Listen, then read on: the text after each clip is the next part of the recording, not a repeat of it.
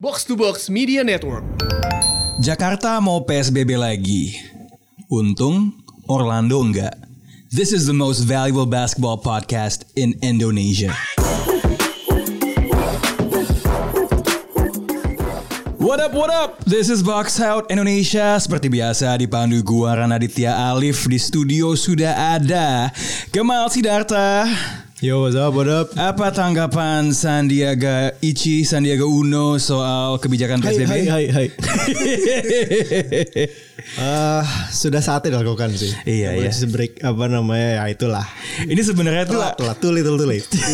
sebenarnya tanggapan kita I think in general is like ini ya apa namanya ketika kemarin isu Black Lives Matter kan ya sedih tapi it's necessary gitu ya Dimulai dengan politics and current affairs. Yes, yes, yes. Penetrasi. sangat substansial. Anyway, itu adalah suara dari Tufel Muhammad yang sekarang dikenal sebagai Twitch Tufel. What's up, man? What's up, man? Twitch T, Twitch T. What's up, what's up? Gimana gimana? Gua lihat di Sokmed sudah menjadi Twitch affiliate. What does that mean? Ya intinya sih sebenarnya kerjasama aja sih sama Twitch, but ya I'm just having fun dan alhamdulillah ada yang nonton dan ada yang Iya. follow. Jadi thanks to all my followers. Yo yo nanti coba deh gua uh, jangan lupa, jangan lupa follow Twitter itu Tufel juga. Iya, yes, Tufel. Muhammad. Eh, terakhir gue lihat udah 900 Yeah, we're Yeah, getting there, sebenarnya getting there. something 30. getting closer to one. Oke, ini thanks to all you guys, man. Dikit lagi Nanti kalau misalnya uh, Tufel mencapai 1000k Gue akan ngirimin tumpeng ke, rumahnya Selamat atas 1000 followers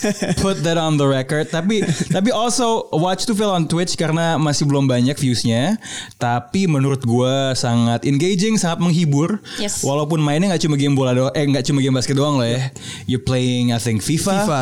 Um, Sama Madden lu main juga gak sih tuh? Uh, in the future mungkin cuma sekarang enggak. Asik With Rad playlist as well. Apa? Dewa, Madden ya? Bukan, bukan. King, King Madden actually. King Madden. And King Madden, we have our queen in the house. Mutia, what's up? Hi, what up boys? What up? We're good. Tapi kayaknya kalau dari Sokmed gue lihat ini it's not looking good for Lefty to Goatee. Shout out Lefty to Goatee, Lefty to Goatee karena uh, Lakers unggul uh, 2-1 but before we Kan go mau PSBB juga ya, ntar ngedate gimana kalau misalnya? Oh iya, actually bener. Iya iya iya. Priorities man. Lo, Iya. de- lo dead di Twitch gue aja gak apa-apa. Iya, agak agak kentang ya kalau jadi zoom date ya. Um, enggak, tapi uh, before before we go to that, kayaknya kemarin ada sebuah encounter ya. Lo share Apa di akun uh, di IG lo sebenarnya, Yes. tapi lo share di akun Twitter, Mutia 911 Yep. bahwa ada fans yang gua nggak tahu fans atau pokoknya ada orang yang pastinya cowok di sosial media Iya. itu sliding into your DMs. Sliding into- Tapi ngajak ribut soal basket gue lihat. Benar, benar, Can you benar. explain to us itu gimana kejadiannya? So no, that was literally out of the blue sih. Yeah. Uh, even uh, post yang dia komentarin pun gue nggak nggak ada tendensi apa apa. Gue cuma Yeah. gue cuma mengomentari interview uh, interview uh, Spo. Yeah. Itu in the middle of the uh, that was the the Game last lima three, ya? right? Yeah. Uh, game Hits five Bucks. hits box. So um ya dan dan potong dan, dan gue pun juga yakin dia juga tidak menonton uh, cuplikan interview itu. Interview itu literally nggak ngomongin uh, nggak ngomongin apa ya tendensi bahwa gue yakin Hit bakal akan menang. menang. Uh, benar-benar I, I- I'm proud of my boys. Uh, I know that they really want this so bad and all that. Hmm. So my caption would be just I want Spo to be my life coach still Yeah. play. So I just say that. That's all. Iya, ngomongin Spo gitu no, ya. ngomongin Spo. Out of the blue ada yang uh, I, I regularly checked my DM actually. Banyak tuh yang masuk tuh pasti. Of course. Of course. Terus gue bilangnya regularly check lah ya kayak Kayak banyak Jack Itu kayak canvassing gitu. betul betul. Scanning Ya ya. No, no, swipe left, left. Hey. Terus terus ya udah benar-benar kayak uh, diamnya straight out untuk ngomongin si pos itu dia bilang "Mm, Don't care, um, Lakers will win the whole thing anyway, gitu kan. So I was like, okay, gitu kan. Tapi benar-benar, by all means, gue benar-benar uh, oke-nya itu tanpa tendensi apa-apa, karena gue tahu dengan komen dan by the way, that's not the first time. I get I get stuff like that yang kayak uh, ngerti apa lalala segala macam. But I I don't know, I feel good kemarin kan. So Yeah. ya udah gue bilang oke. Terus senyumnya senyum ya udah gitu kan. Eh Iya. kepancing juga ternyata. Padahal gue cuma kayak gitu aja. Terus dia bilang ya udah gila lo uh, apa uh, ngakak uh, cewek kayak gini ke- kelihatan banget nih yang ngerti nggak ngerti Gila, gitu. langsung ya ketika nggak dibalas seksisme keluar. Ketahuan nggak ngertinya ini cewek. Iya, aduh. Dan Beta? Beta male. Sudah pasti, sudah pasti, sudah pasti. Dan ternyata ini juga menjadi sebenarnya spesies ini sudah lama ada ya. Oh. Kalau gue dengar dari orang yang menonton NBA di video di kolom komen. Ternyata akhirnya di sosial media eh, yang satu circle dengan box to box muncul spesies a wild jongos basket. Exactly. Wah, Weird. appeared gitu ya. Rare sighting gitu. Iya wow wow gitu kan karena karena jongos basket saya jarang melihat kemudian tiba-tiba muncul ini kan spesies fauna yang langka kan Betul, betul. maka dari itu harus diabadikan dan disebarkan gitu nah Ini kita, kita raising awareness aja kalau ada gitu. Betul. Ini endangered species kan. iya sebenarnya harus dilestarikan Soalnya double WMI juga udah jongos basket seksis pula lagi. Iya iya bener-bener. harus dilestarikan dengan exposure. Biar tidak extinct. Tapi anyway let's talk about the game itself. Karena kita udah rambling tentang our lives for five minutes. Um, ya yeah, Coach Po itu di game 5 eh, lawannya Bucks. you know what? Iya Bapak RI 1 mengecewakan ya dalam penanganan COVID menurut gua pemerintah in, in general right tapi buat gue Milwaukee lebih mengecewakan lagi, man. Milwaukee satu Milwaukee, Wisconsin one. Wisconsin one lagi.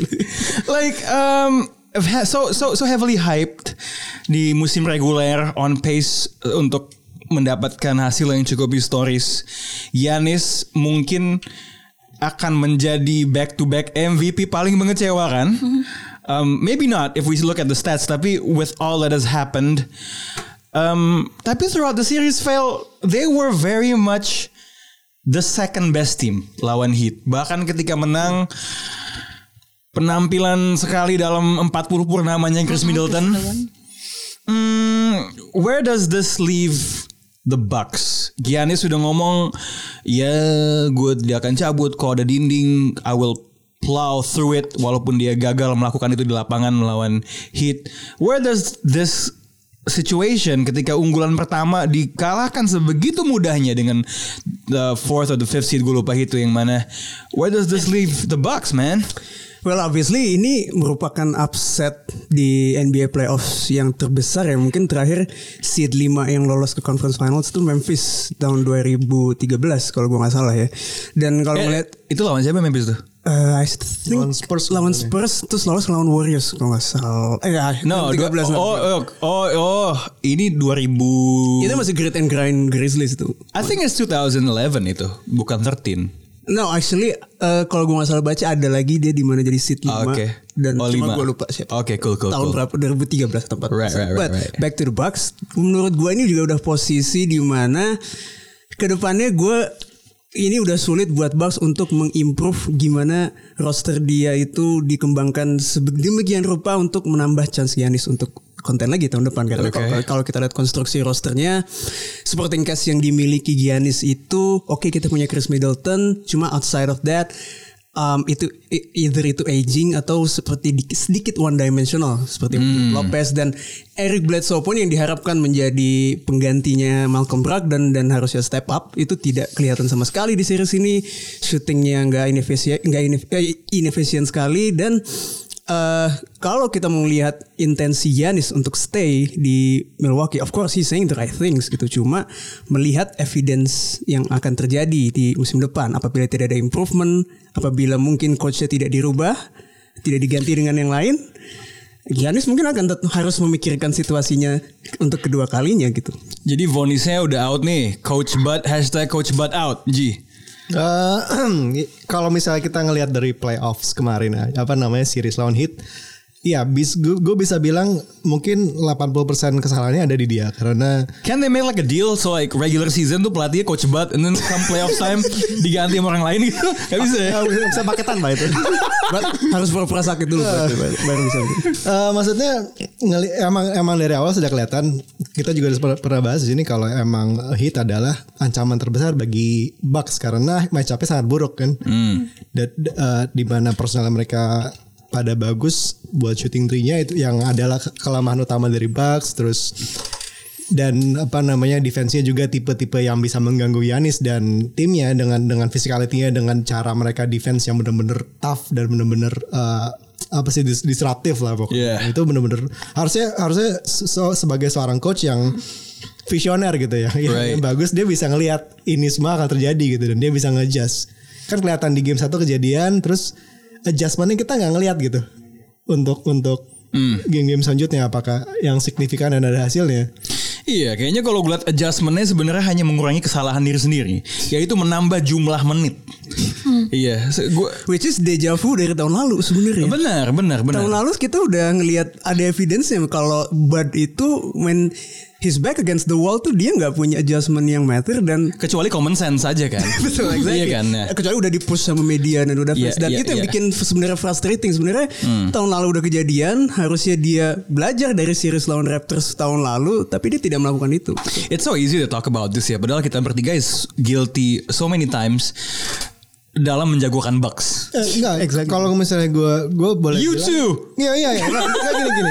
Gue melihat sebenarnya organisasi Bucks ini udah melakukan hal yang baik dengan uh, dia membuat sebuah si- maksudnya ada ada coach dia punya sistem dia Right. punya main bintang yang yang maybe once in a generation terus udah dibikin semuanya tuh fit together gitu. Right. Tapi gimana cara fit sama work kan itu beda beda urusan kan. Yeah, I think I think at the moment now it's as if Bucks ini ketemu sebuah ceiling yang nggak bisa dia lampaui karena keterbatasannya gitu. Akan menjadi sangat menarik sih. Apakah ngelihat apakah Bucks akan uh, GM siapa sih actually? Gue nggak tahu siapa sih GM-nya. Aku gak tahu. Iya, si- iya siapa lah GM Bucks itu ya. Eh, apa namanya? Would he make a decision yang di levelnya Masai Ujiri? Di mana sebuah coach of the year dia ah, dia cut. Gue nggak yakin itu ya karena menurut gue secara organisasi itu Milwaukee itu kalau gue lihat sih sangat konservatif. Iya, dilihat, ada ambi. Iya dilihat dari decision dia juga dari awal nggak mau bayar luxury tax untuk ngekeep Malcolm Brogdon dan akhirnya diganti pakai veteran-veteran seperti Kyle Korver dan uh, George Hill yang which is okay cuma ketika lo dihadapkan dengan playoff series seperti ini lo nggak nggak bisa mengangkat level lo satu di atas lagi. That that only serves um, to me the need for them to do something radical. Iya, something. Karena kalau nggak, they risk losing Giannis for nothing. Benar, benar. Gitu kan. Uh, it's gonna be the same old story. Sebuah pemain bintang yang nggak happy di small market, akhirnya memutuskan untuk oke ya udahlah. But on that point, I do hope dia nggak ke hit sih. Cause that will be a bitch move lah, ya nggak sih? Hmm. Iya, iya, benar-benar. Kayak itu levelnya ya kayak Kevin Dur maybe even worse daripada Kevin Durant ya because they were like thoroughly outplayed gitu. But let's give credit where credit is due. Miami Heat has been scorching. Mood ini Scorching is the word. eh lu bandwagon fans ya gitu. Dia dia dukung semua tim yang panas-panas kan. Iya. Oh, Phoenix Suns. Eh, Blazers, Calgary, nggak, Calgary Flames No. tuh yang Flames, Trail Blazers, oke. Oh, they- Chicago Fire di MLS. MLS Ya tapi gimana? I mean like uh, lo uh, cukup dedikatif gue lihat ya following Heat gitu. What what what do you like uh, about them? Probably even more setelah series lawan Probably even Milwaukee. more. Yeah, yeah, Yeah. That, that that is true. Um, yeah, uh, especially for this season, I think um, I've always loved uh, a theme that's not selfish. That's one.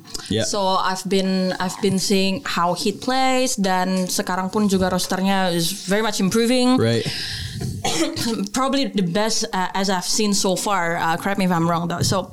What makes them so good? I actually note uh, some of the things that's very important for this season. Kayak pertama-tama kalau yang bisa gue address tuh uh, sebenarnya defensive ratingnya. It's been very improving. Yeah. If we're talking about offensive rating, they've always been that good. Di atas ya. Right.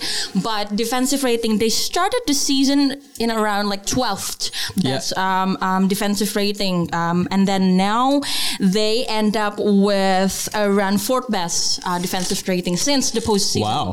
Fourth best. So that's really something allowing around 105 points per at 100 possessions. Iya cukup rendah buat zaman sekarang emang tuh. So there. So um, yeah, that's one. So uh, I feel like um, how they they they uh, draft uh, Bama Debayo so far ya kan it's been it's been um, working untuk Yeah. untuk personal Bama Debayo dan Yeah. juga untuk hitnya sendiri gitu kan ya. Um, rookiesnya pun juga Tyler Uh-huh. Hero, uh, Tyler Hero. Um, apa? Lu mau ngeluarin sebuah dead jokesnya? yes, huh? yes it is. Sing it, sing it, sing it, sing it, sing it, sing it, no. sing it. Ayo nyanyikan jingle swalayan yang sudah bangkrut. I don't remember that. Na na na na na na na na. Tyler Hero memberi lebih. Ya, benar, Get benar out. aja. Eh, ini lumayan ya replacementnya. Eh, iya bener. Bukannya di bangkrut tapi Hero masih ada. Masih, masih. Masih ada. Oke, shout out to Hero. So yeah, again back to Heat. Um, Yeah. Again, I've already I've already tweeted this as well as I don't know if it's a hot take or whatever, but uh, It's, it's a heat take. It's a hit. Oh, Yeah, we're yeah, playing. yeah, yeah, yeah, yeah. So so when when the series start, I I, I, I tweeted that uh, Edris Femi Adebayo will outplay Yanis Antetokounmpo. Dengan nama lengkap Nigerianya ya. Yes, yes. Nigeria. Shout out Nigeria. Yeah. John Boyega. Sunday Olisen. Jaya Jaya Kocha man. Nuanko Kanu. Okay, anyway. Anyways, um, so yeah, and and, and Indomie. No, yeah. Just random Nigerian names. yeah. Yeah, okay, okay, okay. Adebayo. Okay, yeah, Adebayo. So yeah, um, I think he's one of um the players that's uh, very reliable di hit untuk season ini. Yeah. Um, averaging so far 16 points. Well, points is one thing, but um, I want to highlight uh, his assists juga and his um, drive around the paint area. I think he is proven to be one of the Yanis stoppers juga di, di paint area and that that that helps um, apa uh, bisa meredam um, kejayaannya Bucks gitu dan um, dan terbukti gitu. Dan kalau Tyler Hero sendiri, well, um, he's going to be um, he's going to like strike another record as the only 20 year old player, the only player that's born in 2000s, Okay. that's going to the conference finals. So, Oh, yep. did our homework, man. Did my homework. Suck it, Jongos Basket. man. Suck it, man. Uh, uh, suck it deep, suck it hard. okay, Oke tapi ya, I mean So heat, there. heat, heat. Uh, I mean you talked about the improvements ya. Um, dan Jimmy Butler ini momen dia kayaknya dia menemukan tim yang kayaknya fits his branding, his persona, his culture ya. Lu denger cerita tentang Adebayo yang juga working hard, Tyler Hero yang kalau lagi sesi scrimmage sama Jimmy Butler yang kayak oke gue mau nantangin lo lah Iya. gini kan kayak. Tapi skemanya juga sangat modern ya hit ini ya. What do you like the most kalau lo ngelihat gaya mainnya hit, especially di offense, Vel? Gue suka sama Hit dengan dia tuh memainkan skema motion offense. Jadi dia Hit itu sebenarnya set favoritnya Hit itu di playoffs ini adalah ngasih bola ke Bam di elbow gitu dan let him create dan begitu dia megang bola di elbow itu semua pemain itu tidak hanya melihat bolanya but they're making constant movement. Right. Ini tuh shades of Golden State Warriors actually. Jadi death by a thousand cuts lah istilahnya. Oh, so Jadi- Bam is di posisi Draymond. Draymond exactly. Jadi dia megang bola di high post dan itu bisa initiate beberapa action, dribble handoffs dari wing dan itu bisa ngelihat cuts dari weak side dan menurut gue pemain-pemain di hit itu juga cukup uh, well coach untuk melakukan skema tersebut gitu karena menurut Yeah. gue itu bukan hal yang mudah untuk Right. seorang Jay Crowder, seorang Andre Iguodala yang masuk di tengah-tengah musim dan langsung mempelajari skema tersebut dan apalagi learning curve-nya buat seorang Tyler Hero, buat seorang Duncan Robinson atau Kendrick Nunn untuk mempelajari skema tersebut karena itu menurut gue skema yang paling susah dilakukan di di NBA karena itu membutuhkan awareness yang sangat tinggi. Jadi credit to Coach Paul untuk mengimplementasi itu karena menurut gua di playoffs itu lu butuh skema offense yang gak bisa one dimensional sih. Kayak Houston you, you know main ISO pick and roll itu kan terbukti mereka belum bisa lolos masuk NBA Finals. Nggak tahu ya tahun ini. Terus um, mungkin LeBron mungkin actually mungkin LeBron doang yang bisa main satu sistem gitu. Dia cari weakest defender, ISO, and Jordan gitu. Tapi menurut gua untuk tim so- seperti Miami Heat yang sistem offense lebih egalitarian gitu. Jadi skema motion offense ini fit them perfectly dan it's really tough to defend dan it's put a spotlight in Bam Adebayo juga yang menurut gua emang gua setuju banget sama Mutia kalau ini pemain pemain yang spesial di umur yang sangat muda gitu. Yeah, I mean tadi gue mention dia posisi ya Ken Raymond Green Yep. and he's taller and more athletic too ya. Exactly dan dia udah proven bisa nge-stop Giannis juga gitu. Bener bener bener bener. And semua ini nggak bisa terjadi kalau tidak ada pelatih yang oke. Valuasi loh G soal Eric Spo in this series. Mungkin dulu orang lihatnya dia ketutup karena ada bintang LeBron and uh, Wade and the Boshes, but I mean he's making a case that he's the best coach in the NBA, isn't it? Eh, ya, gue gue cukup setuju gitu. Eh, kalau misalnya kita ngelihat sejarahnya dia dari cuman apa sih video coordinator gitu Right. kan. Terus tiba-tiba dipercayain sama the Godfather of basketball kan untuk Right. untuk nge-coach. Ari Dan Sudarsono. Oh iya, Petrali, Petrali, Petrali. Sorry, sorry, sorry, sorry, sorry. Yeah. Dia dia dan nggak sembarangan di coach langsung LeBron kan. Right. LeBron, Wade, sama Bosh gitu. Right. Itu dan dia bisa membawa tim itu sampai ke juara. Ya mungkin dia insecure aja kali kok gue rasa ya sampai Hmm. sampai dia ngera apa lagu sama diri sendiri tapi dia bisa mengcoach tiga orang itu dan sampai membuat sistem yang waktu itu juga cukup cukup uh, cukup baru kan pace Yeah. space itu kan waktu itu Small dan- dan- ball. small Downsizing ball, dia. Bosch jadi uh, stretch Center. itu kan itu kan juga sebuah sistem yang cukup revolusioner waktu Dan itu LeBron kan. untuk main itu, that's Ah. huge, that's huge menurut gue. Jadi sekarang sih ma- apa namanya ya lebih lebih ya mungkin karena dia di underrate selama ini Right. dan, dan uh, sekarang punya pemain-pemain yang mungkin pas sama style dia dengan kalau the hit the whole hit hit hal culture, culture kan. jadi jadi, culture. jadi pas aja gitu. Uh, Bangun sepertiga malam terakhir. Seperti ke malam Bung. Yeah, we did that. Salat tahajud Jimmy Butler. pieces falling together aja. yeah, I mean, um, just talking about Spo a little bit ya. Um, gue ngerasa memang hierarki di hit itu pasti ya tangguh lah. Kalau di bola dia kayak Bayern Munchen. Isinya orang-orang yang sudah berpengalaman di lapangan gitu kan. Dalam sosoknya Petrali. Kalau kita ingat kan 2006 ketika Petrali turun kan itu yang menyingkir itu Stan Van Gundy kan orang yang uh, sudah cukup berpengalaman bahkan ya di saat itu ya.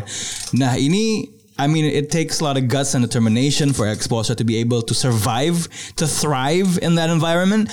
And also secondly, X's and O's are one thing. Kalau ngomong soal bagaimana dia bisa deal sama bintang, I think his man management is pretty good, is pretty excellent.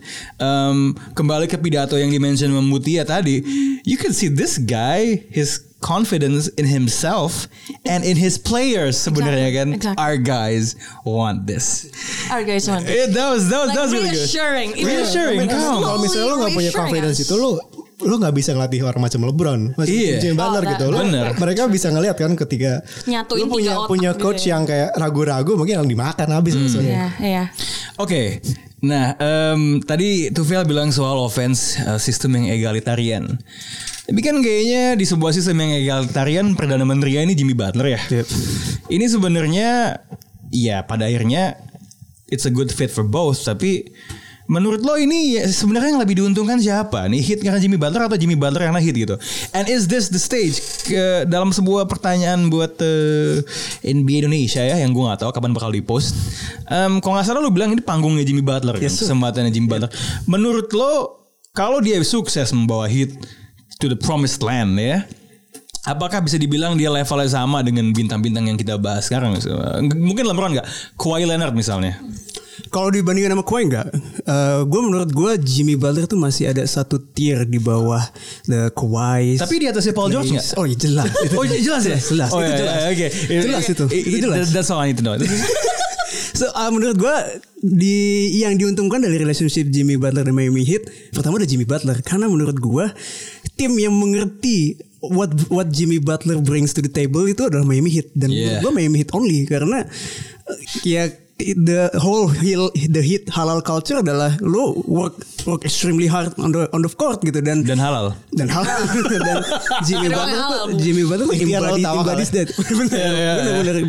dan Jimmy Butler tuh embodies that culture dan menurut gue how they how he mesh with semua pemain yang sebenarnya seperti gasnya kan masih muda kayak Tyler Hero Kendrick Nunn kan kalau lo ngelihat sebelum Jimmy Butler datang ini yakin nih mau main sama Jimmy Butler emang bisa dan Iya.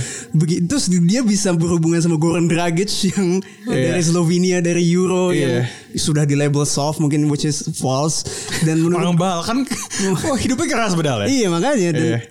Jadi menurut gue ini relationship yang sangat menguntungkan Jimmy Butler dan akhirnya dia menemukan tim mungkin tim terakhir yang mengerti value-nya dia tuh tim ber, apa tim Bulls lagi Bulls zaman Thibodeau gitu kan yang benar-benar suka banget sama orang yang work extremely hard. Iya, gitu. sampai cedera. Tapi waktu itu masalahnya eh, timnya nggak kayak gitu. Iya, iya, timnya iya, nggak iya. cocok- Timnya nggak se- sebagus Nggak- ini, nggak se well rounded ini, nggak se well coach ini menurut dan nggak Iya. semodern ini menurut. It's so well fitted for him. He can have a bad game and the team still wins ya. Iya benar. Nggak, mungkin- mungkin kalau dianalogiin kalau misalnya dulu itu waktu di Bulls dia cuma work hard gitu kan. Ah. Di sini gabungan antara work hard dan work smart lah kan. Kalau bahasa bahasa startup zaman sekarang. Keren Keren. Dan menurut gue role yang menurut gue underrated di playoffs adalah lu harus punya closer gitu di tim lo dan Oh, that's- Jimmy Butler itu emang proven closer dari playoffs musim lalu di Sixers he's Yeah. the closer Yeah. dan dia ngebawa itu ke hit yang menurut gue tim beberapa tim tuh nggak punya.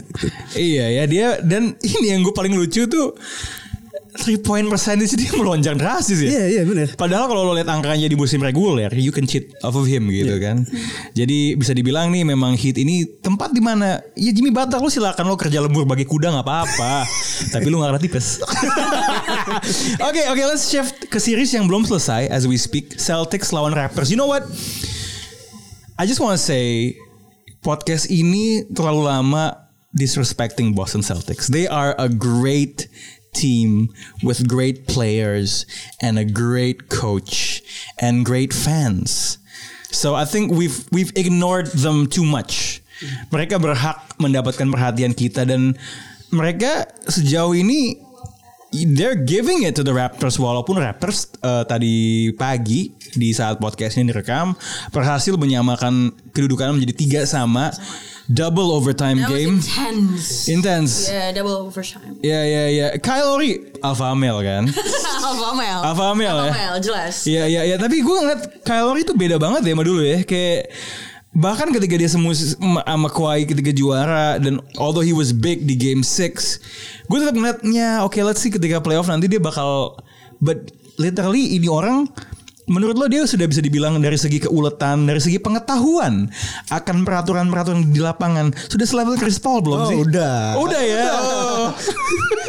Nggak ini ini eh, so- seseorang yang underrated juga gitu Iya. kan. Dia dia udah memimpin timnya berkali-kali walaupun sebelum sebelum dia ketemu Kawhi di playoffs dia biasanya bau kan. Iya, Iya, Pak. baru baru baru dua baru dua musim ini dia kelihatan kalau emang dia tuh bisa jadi leader dan Iya.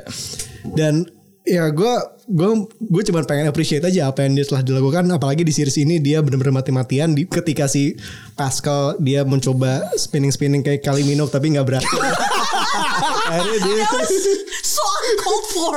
Kylie Minogue. dia take over kayak ya what's apa melakukan apa yang harusnya dilakukan sebagai seorang leader gitu ya Iya. dia cuma ya apalah cementing his name lah as the leader of the Raptors. Iya ini gue sambil bacain ada WhatsApp dari Paul yang tidak bisa datang hari ini dia bilang Pascal Siakam. ada titipan. Iya, Iya titipan. garbage. Shit. Abis itu ada ada gambar gorila. Iya ini Paul emang kampret banget emang. Nggak tapi um, what what do you like about the adjustment so far? Uh, the, the tactical chess match nih antara uh, Celtics sama Raptors. Sebenarnya ini yang lucu adalah kita mungkin silau ya dengan variasi taktikalnya Raptors. Tapi kalau kita ngelihat karakteristik kedua tim this is a bad matchup buat Raptors man. Iya, iya. like mereka itu paling bagus di transition game dan tim yang transition defense paling bagus is Boston. So what are you seeing so far man?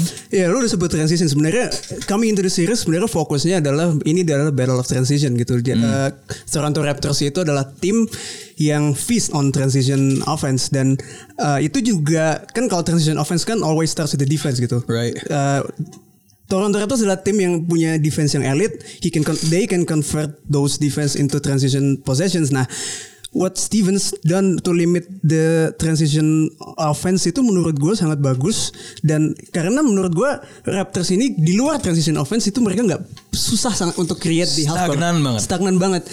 Offensive rating mereka tuh selama regular season kalau nggak salah di posisi 15 gitu. Jadi dan setelah ditinggal Kawhi pun mereka juga nggak punya pemain yang bisa go one on one yang bisa break the deadlocknya eh, defense gitu outside of maybe Kyle Lowry atau Pascal Siakam dan di Eh Pascal tai-tai nama Jalen Brown. pas di pokoknya di sini sini Shout out, shout out by the way katanya Demas nih anak uh, fans Boston. Eh, shout out Dems man. Dems, Dems, dia bilang nih Jalen Brown mainnya kayak social justice Will Barton man. Gue ketawa-tawa sendiri gue bacanya. Anyway gitu juga. Iya Jalen Brown benar-benar ngantongin Siakam dan even di call out sama Nick Nurse juga di post game post game Iya, conference-nya. Da- jadi menurut dan itu ini ini game sebenarnya series yang dua tim ini evenly match dan dua coachnya sangat jenius. Satu adjustment di counter adjustment lain perang adjustment. Eh gue nggak heran ini menjadi series yang panjang.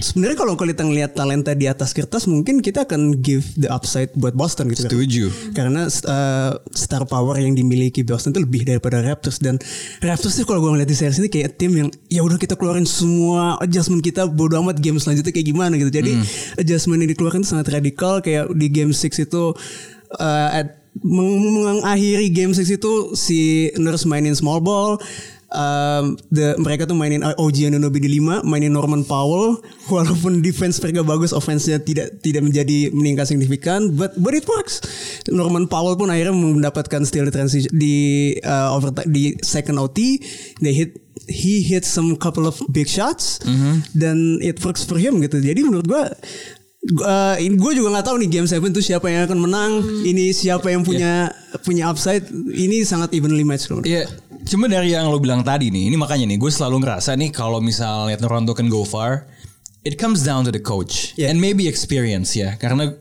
Norm Powell bukan pemain paling jago di dunia, tapi lo bisa lihat pengalaman udah pernah di babak ini tuh it shows gitu loh di pemain-pemainnya. They've been here, they've done that gitu. Cuman as much as I want to see coaching bring a team melampaui potensinya gitu. Gue tetap ngerasa kalau pemain-pemain Boston bermain di topnya semuanya, then they should be able to win. Makanya gue sedikit bias nih. Gue feeling gue Boston sih yang bakal lolos um, dari game ini. Again, it could go either way gitu. Cuman I mean even dengan situasi tadi it went to two overtimes kan gitu loh. I mean I mean, I mean that's where I feel it will. Gue pengen liat Raptors gitu. Um, dan akan menjadi menarik juga sih ketika nanti Boston misalnya ketemu dengan Heat, gitu ya. Oh, that would be good man. Ah, that would be good. Let's shift to the West. Um, lo kayaknya lumayan uh, Are you happy or not Dengan Lakers unggul 2-1 Lawan Rockets I mean I'm not happy Tapi You're lo- not happy? I'm not Cause I wanna root for, Satu The whole box out isn't happy. I Iya think. kita mau lihat one mission baby. One mission One box out One NBA. One NBA Nambah lagi satu cinta aja. One love. Uh, yeah, we want to see our, our guy Lefty the Goldie, Adam Fernando Silalahi yang bikin taruhan sama Mutia. Oh, now, Kalau now Rockets you masuk now you final. remember the full name. Yes, I, I, I, I did, I did. You did Orang gue screenshot, gue gue save, gue jadiin konten, ya gue hafal lah. Give some respect to the man, bro. Okay. Yeah, he has a he has a huge dick. Hey, pause man. hey, BDE baby BDE. big dick energy. Small ball, big dick. Um, Iya cuman cuman ya Houston Houston uh, Lakers. Tapi kalau gue liat momentum dan pertandingannya sendiri, entah kenapa gue ngerasa anginnya sudah bertiup ke Los Angeles nih, bukan ke Adam Fernando Silalahi. Eh, gimana nih, Vel? Is there a counter? Can they stop the big boys? Rockets, it I don't see it. Mereka- Play, playoff Rondo. Exactly, gue gue bilang mereka harus berharap playoff Rondo itu cuma mitos gitu. Man, man, here's the thing, man. Yeah, Houston main small ball. They're losing small ball lawan lawan lawan Lakers. Although ya, I mean tergantung definisi small ball ya. Anthony Davis main lima kan, he's still like six foot eleven gitu. Tapi, do you see a counter move for, for, for the Rockets? Uh, counter pertama menurut gua Westbrook has to play better. Ini Itu bukan taktikal ya. Loh, ya, Bukan bener-bener. sih. karena that's what's missing menurut gua di Yeah. Houston gitu di game 1, game 2, game 3. Ya gua in defense of Westbrook dia baru cedera pulih dari cedera quad. Iya. Baru absen coronavirus juga. Itu tidak menjustifikasi dia di game 2 nembak 3 point 7 kali kan? But ya, menurut gue itu juga play a play factor karena gue nggak melihat dia nyaman untuk drive ke ring juga.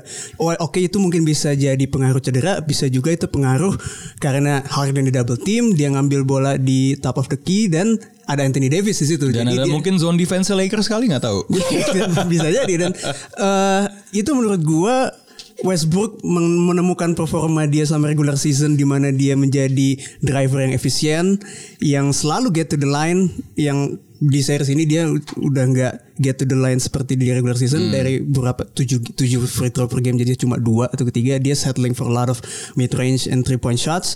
So kalau it- jadi improvement yang utama kalau menurut gue adalah meng, eh, mem- membuat Westbrook itu ada di posisi di mana dia bisa sukses yang bisa dimulai dengan mungkin menaruh Westbrook sebagai screenernya Harden. Jadi kayak zamannya Curry sama Draymond. Kan kalau Curry kan begitu di playoffs kan dia udah pasti di double, pasti di trap kan. Jadi every pick and roll involve- involving Curry itu pasti di trap dan Draymond itu akan kalau Draymond jadi screener dia akan kosong dan ada menghasilkan situasi 3 lawan 4 yang menguntungkan uh, Warriors dan ini menaruh Westbrook di posisi Draymond itu menurut gue adalah suatu counter yang bisa dilakukan oleh Rockets gitu. Jadi gue gue percaya Westbrook adalah playmaker yang cukup pintar untuk menaruh bola di posisi tersebut dan uh, itu bisa memulai bagaimana itu bisa it, it, it can lead to a lot of open shots buat Eric Gordon yang masih struggling, buat Robert Covington dan mungkin nggak tahu nih Daniel House nih bisa balik apa enggak karena kabarnya dia nggak masukin seseorang yang di luar family sama wife list di bubble jadi Pecun. Nggak tahu Oh, nggak oke. tahu nggak tahu Eh, dia by the way, gue baru sadar namanya bukan Daniel ya. Daniel. Danuel. Daniel, Daniel. exactly. Yeah. So, So- yeah, so that's a jadi weird name. put, putting Westbrook in a better position itu menurut gue it's a start. Oke, so that goes down to Mike D'Antoni. Yeah, exactly. Benar-benar Mike D'Antoni dan itu di sisi offense dan di sisi defense gua nggak akan gua akan tidak overreact atas performa Rondo di dua game terakhir gitu. Karena sampel size-nya masih kecil. Yes, dan gua akan I will trust Rondo to break more shots than than he will make. Jadi percaya pada analitik itu ketika Rajon Rondo dua kali 3 point itu adalah penyimpangan statistik ya. Karena menurut gua nggak But what does what happens Tapi itu kan terjadi waktu lawan waktu game 7 lawan Casey kemarin kan. Aha. Statistiknya ngel- mengatakan kalau Dort nggak bakal masuk ke Yes. Tapi ternyata Yes. Ternyata Ya udah. Game 7 Ludort muncul kan gitu. Iya, sehingga game 7 defensive James Harden muncul juga. Iya, benar, benar. Gitu kan. Ya kan sebenarnya kan kalau analitik kan gampang kan. Betul. You either uh, dia nggak masuk atau lo tinggal bilang kayak Paul George kan, it's a bad shot gitu kan. eh tapi you know kalaupun uh, Westbrook jadi Westbrook dia bisa penetrasi gitu ya. LeBron James 4 blok. Gue tuh agak ngerasa ya empat blok itu sebenarnya dia kesel aja soalnya Kawhi itu ngeblok sekali pakai middle finger dong lo. So dia mesti kayak anything he does Iya, out of iya, bed. iya, iya, iya. Iya, betul. Sebenarnya Le- LeBron melakukan defensif yang yang yang spektakuler itu udah lama kan terakhir Iya. terakhir, terakhir dia melakukan itu ya waktu uh, Tapi ini pertama kali ya dia melakukannya dalam Cut, usia 30 35 year No. 17. Oh iya dia 35 benar Iya. benar. On 36 ya. Jadi mungkin dia kayak udah jimpen. Ya, oh, well, yang udah kita lihat selama di bubble ini LeBron kalau misalnya dia masih mau dia dia dia mau dia bisa masih bisa train up untuk Yeah. untuk menjadi defensive beast gitu kan yang Right. dia matiin Kawhi dan dan dia sekarang di di Rockets kan bener-bener gue gue takut sih kalau menjadi pemain Rockets ada ada LeBron di situ. Terus belakangnya ada AD juga kan. Dengan LeBron ada serius dan dia sekarang eh, apa ya lapar gitu It doesn't look good for the Rockets to be honest. Gue gak yakin sih if even if they do the adjustment. Gue setuju sih sama sama. Kovel emang kuncinya adalah di kuncinya adalah di, di Westbrook. Liberasi Westbrook. Iya. Karena small ball ini yang kuncinya adalah Westbrook kan Maksimalin dia Westbrook menjadi kan, batting emang. ram seperti seperti mini Giannis lah. The whole point of Rockets going small ball adalah dia sebenarnya kan. Karena uh, Harden keeps getting doubled. Itu menurut gue adjustment dilakukan Lakers di game 2 game ketiga karena game 1 menurut gue aneh banget game plan lawan Harden tuh dan game 2 game 3 they doubling him earlier dan they literally dikasih space banyak banget Westbrook. Bener-bener nggak dilihat dan he has to capitalize on that situation menurut gue. Ya, tapi kan I mean he's not gonna shoot definitely. Oh, he has obviously to not. drive. He has to drive. Mini Giannis bisa dihentiin. Eh Giannis bisa, bisa dihentiin, masa versi mini nggak Mungkin bisa. yang yang yang lebih unggul apa namanya hak keunggulan si Westbrook dalam dibandingkan Passing-nya. adalah passingnya. Iya. Walaupun- Cuma walaupun- rotasi tapi rotasi defense Lakers bagus. Bagus loh. Bagus, bagus loh. Bagus loh. Kuzma tuh, Kuzma bagus banget playoff ini. Kerusuhannya lumayan. Karusu Karusu bagus, Karusu bagus. Tapi itu dia kan lagi-lagi sebuah adjustment like if even if it works, if the opposing team plays to its best potential. Mm-hmm. Ya tetap aja sih gitu loh. It's not it's not night it's it's still night and day gitu loh kalau gue ngelihatnya. Hmm, I think that's uh, that's a different case untuk buat gue ya. Uh, if I can chime in. Um, untuk Lakers sama Houston sendiri, kalau kita bicara ke uh, partai say Heat and Bucks, Ya. maybe on the slightest kita bisa lihat bahwa mungkin match up-nya sejajar gitu kan, Yeah. bisa bisa diadu dan mungkin um, it's on the matter of um, adjustment and coaching ability, I would say. Um, terus kalau kita bicara Heat and Boston maybe that's the case as well. But kalau dari Lakers sama Rockets sendiri gue rasa dari matchup aja udah gak even. Rockets I would say quite possibly become like the most shallow bench um, dibanding Lakers obviously gitu Okay. kan. So um, I I think if we're talking about adjustments kalau playersnya tidak mendukung menurut gue You know the head says Lakers, but the heart says Rockets. Hashtag one mission, One baby. mission one box out. Oke. Eh, ngomong-ngomong soal ketimbangan, series paling timpang nih Nuggets lawan Clippers ya. udah udah kebaca kan? Iya. Ivi Kazubak jago banget eh tapi ternyata dia ini ya, lu lumayan lincah dia setelah setelah gue lihat-lihat ya. Ya, Eh, dia nggak cukup lah buat gimana Jokic. Walau ya, Jokic cuma satu-satunya pemain yang yang bisa melakukan sesuatu di series ini. Iya. Sesuatu dengan lucu. Kita harus selalu bilang dengan, selalu, dengan lucu selalu. ya. Itu itu di mana-mana dia selalu lucu. kan? Iya iya. Walaupun mungkin dia nggak secapek itu dia selalu kelihatan kerang mati soalnya kalau mau Ka- kasihan kan? Nggak waktu, waktu- kasihan gak sih nggak, kasihan sih tahun, gue. tahun lalu yang waktu dia Triple overtime. quarter, quadruple overtime lawan Oh, iya, quadruple. tuh gue takut dia asma. Iya kasihan. Lo bisa relate ya. Iya. ya cuman uh, uh, you know what Kawhi Leonard ya. I mean he had one bad game lawan Nuggets. Mungkin dia belum ada satu penampilan yang spektakuler banget kayak Doncic 40 poin, 50 poinnya Jamal Murray eh, sama Donovan Mitchell. But quietly he's doing quiet things ya. Exactly. Itu that's what he does. Di playoff ternyata dan ini emang yang dia simpen selama regular season all that load management it, it all comes down to this gitu. Dan kalau kita lihat juga he's not doing anything different gitu. Dia, dia yang dia dari dia lakukan dari tahun lalu juga ya itu itu aja. He's scoring in isolation. Dia he's getting his, juga, he's getting mid-game kan. into his spot mid range game. Dan on defense he's always he brings it all the time. Dan Kawhi man I think he's the best player in the game right now Menurut lu, uh, hot take heat take hot take Hmm, mama there goes to Vel. Um, Vel, gue tuh kalau liat Kawhi itu yang gue pikirin ini orang push up pakai jari itu berapa kali ya? Oh man. Dua hal soalnya. Satu awesome. ngeblok pakai middle finger. Tapi kedua, chest dia tuh sekenceng apa ya? Karena lo lihat deh orang tuh mentalnya kayak apa? Kalau di post up di bump sama dia di mid range gym jauh banget gitu kayak automatic separation gitu loh. Lo ke bump sedikit aja, angle lo berubah dan tangan dia panjang itu tuh apa ya? Walaupun tadinya situasi one on one tuh lo wah it's like an open shot. It's like an open shot tuh gila tuh Kawhi itu. Um, I don't see any way back sih buat Nuggets cause I kind of feel sebenarnya iya bener Jokic is the flow of their offense. But the big story of their playoffs adalah Jamal Murray naik ke level satu lagi. Dan menurut gua man gak ada baptism of fire daripada lu ketemu tim yang oke siapa yang bakal switch gantiin lo ya? Eh, jagain lo ya? Hmm eh, Pat Bev. Hmm kalau switch siapa yang jagain? Oh Pa- Paul George. Eh, ya mungkin itu bisa dilewatin sih. Dan kalau misalnya diganti Kawhi Leonard gitu kayak it's it's they're so. Yeah. They're so deep. itu kenapa gue tetap percaya mereka akan ke final dan juara karena mereka bisa seunggul ini lawan Nuggets. And Paul George is playing like shit. Kayak B banget like, like- Well, kalau dibandingin series pertama sih lumayan. Oh benar, benar, benar betul. Kalau barnya kita taruh yang lain yang apa eh, normal Habis dibully. bener bener sih, lo bener ya. Driving under pressure. Ngomong-ngomong soal bar, menurut lo bar ekspektasi buat Steve Nash musim depan menjadi pelatih eh gue nyetain. keren kan? Eh, Gue kira masuk ke Tori tadi. kita akan ke Tori nanti habis ini. Yeah. Hey, hey, I used to host on TV, man. Come on. Hey, shout out to you, man. Shout out Net TV.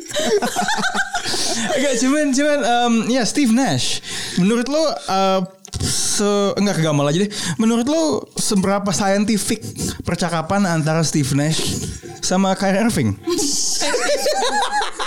like how much will they talk about politics and current affairs, bro?